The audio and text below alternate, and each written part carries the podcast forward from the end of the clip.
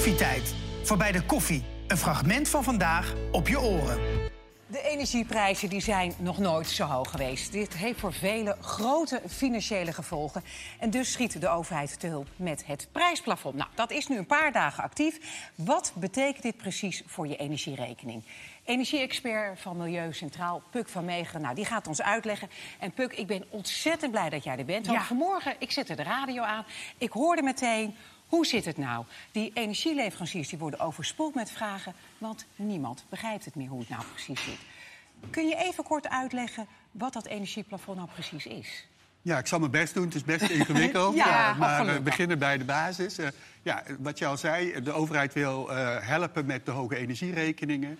Twee jaar geleden was eh, de prijs van een kuub gas nog 80 cent. Nu betalen veel mensen 3 euro. Ja, dat is dus heel veel geld. En nu hebben ze gezegd, we, we doen een plafond voor, voor die prijs voor een kuub gas. En dat leggen we op 1,45 euro. Meer hoef je niet te betalen. Ook al is staat in je contract 3 euro. En eh, de overheid neemt dat dan voor haar rekening. Alleen tot een grens van 1200 kuub gas. Dus, eh, en dat, veel mensen blijven daaronder, maar niet iedereen. Maar als je dus echt veel gebruikt, meer dan gemiddeld... Ja, dan moet je wel je marktprijs betalen. Dat is het prijsplafond. En dit is voor gas. En voor stroom is eigenlijk hetzelfde. Je betaalde 20 cent, nu vaak 70 cent. En het plafond is gesteld op 40 cent. En, eh, maar dan mag je niet meer dan 2900 kilowattuur gebruiken. En daarboven betaal je weer de marktprijs. Maar jij zegt de marktprijs. Hè? Dus stel, dit is mijn verbruik, wat, wat inderdaad in dat eh, dingetje zit, voor het prijsplafond. Dit is mijn plafond. Wat ik dan zeg maar er overheen ga, betaal ik dan over dat stukje, zeg maar, die extra marktprijs, of over het hele bedrag? Dan gaan ze het dan weer helemaal terugpakken. Nee, nee, dan pakken ze niet terug. Dan pakken ze alleen waar je... Dus als je zeg maar boven die 1200, als je 1300 kuub gas gebruikt...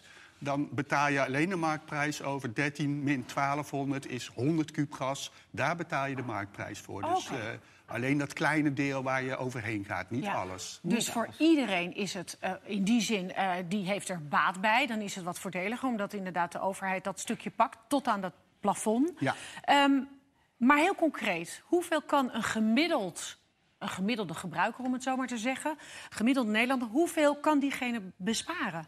Is Nou dat ja, al eigenlijk schiet, schiet de overheid te hulp met ongeveer 200 euro per maand. Als je dat afzet tegen een gasprijs van ongeveer 3 euro voor de marktprijs en 70 cent voor, voor een stroomprijs. Dus ja, dat is een fors bedrag eh, Ja. wat mensen eh, krijgen. Dus Dat komt dus inderdaad een beetje, hadden wij het met z'n tweeën over... een beetje overeen met die 190 euro compensatie die Ja. in november en in december kwam, hè? ja, dat is niet Ongeveer- toevallig, want die Ja. 190 euro is daar eigenlijk op van afgeleid. Precies. Zeg maar.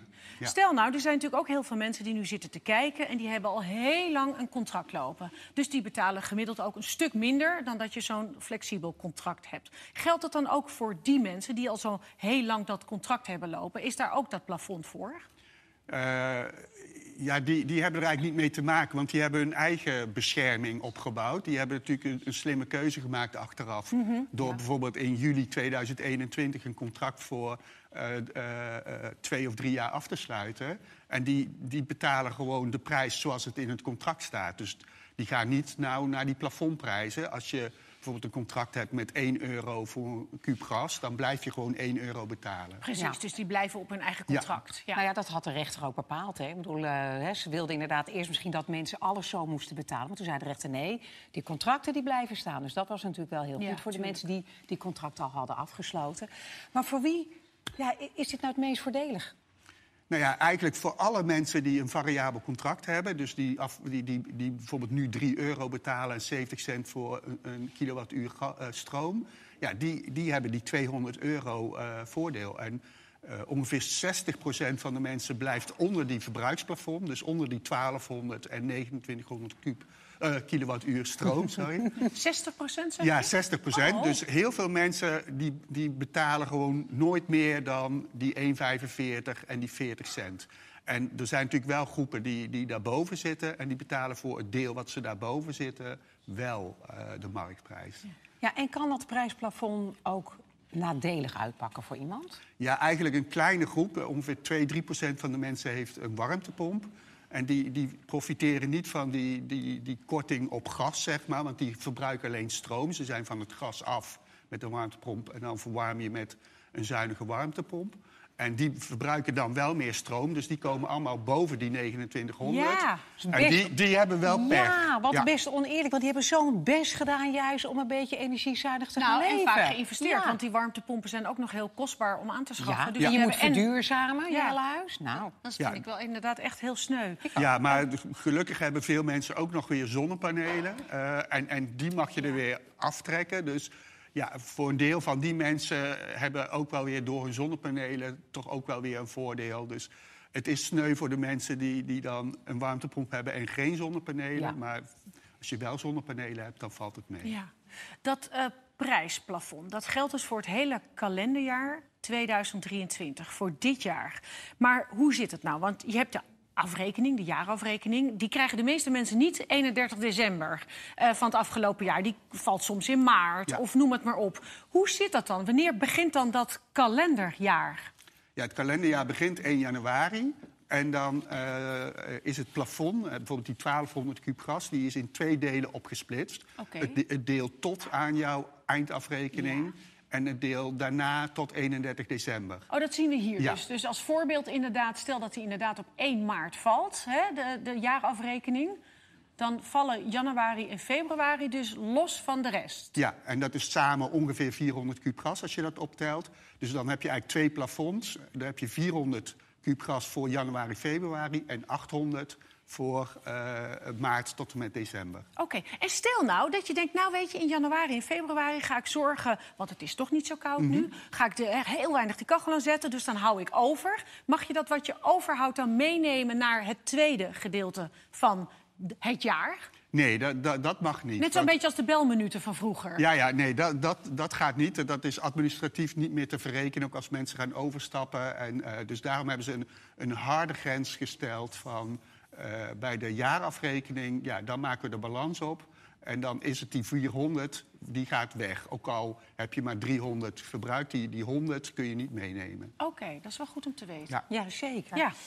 Ehm, zijn er überhaupt zeg maar, nog dingen dat je denkt... ja, daar moet je nog steeds rekening mee houden? Want ook al geeft de overheid ons een beetje hulp... we moeten zelf nog wel blijven opletten, toch? Ja, kijk, 1,45 voor gas en, en 40 cent voor stroom is nog steeds best veel geld. Dus eh, wil je echt een lagere energierekening, ja, zul je het er ook echt wel eh, moeten besparen. Dat, dat is voor je energierekening van belang, maar ook om minder afhankelijk te worden van Rusland. En natuurlijk het klimaat. Dus er is heel veel reden om zuinig te zijn met gas en stroom. Ja, ongeacht dat, dat plafond, hoe Ja. gezellig dat ook gezellig. Maar hoe, hoe voordelig het ook kan klinken, dat je denkt, oh lekker, dat- je betaalt, wat, je, wat je gebruikt betaal je. Precies. Ja, zo is het gewoon. Ja, en mensen moeten niet denken van achteroverleunen. Kijk, heel veel mensen besparen al heel veel. Daar zijn ze heel erg mee bezig. En, ja, en als Milieu Centraal zouden we zeggen, ga daar vooral mee door. En het is alleen maar ook voor dit jaar, hè, dat prijsplafond. Wat in 2024 gebeurt, dat weten we nog niet. Nee, dat weten we niet. En het kost natuurlijk heel veel geld. Dus eh, ja, of dat allemaal betaalbaar is om dat nog een keer te doen. Dus ook bijvoorbeeld investeren in je woning als je een huiseigenaar bent en je hebt die ruimte om bijvoorbeeld beter te isoleren of zonnepanelen. Dat, dat eh, loont zeker de Ja. moeite. Nou, dat hoorde ik ook in Heemskerk trouwens. Iedereen Ja. die had gewonnen daar, die zei ook... nou, ik ga gelijk mijn huis meer verduurzamen. Want dat, dat komt uiteindelijk natuurlijk altijd weer bij je terug. Ja. Ja, dat is heel voordelig. En eh, ja, wij zien ook heel veel eh, mensen die daarmee bezig zijn eh, eh, op onze website en dat soort dingen. ja, Ja. mooi. Nou, dan kom je nog maar een keertje terug om dat uit te leggen... hoe we dat ook nog verder kunnen doen. Ja, heel graag. toch? Ja, zeker. Ik vond dit al heel fijn, want het is gelijk weer een stukje duidelijker. Dank je wel. Beluister ook onze andere podcast met iedere zaterdag om 10 uur de Week van Koffietijd. Iedere werkdag zijn we natuurlijk ook gewoon weer live met een nieuwe uitzending. Om 10 uur RTL 4.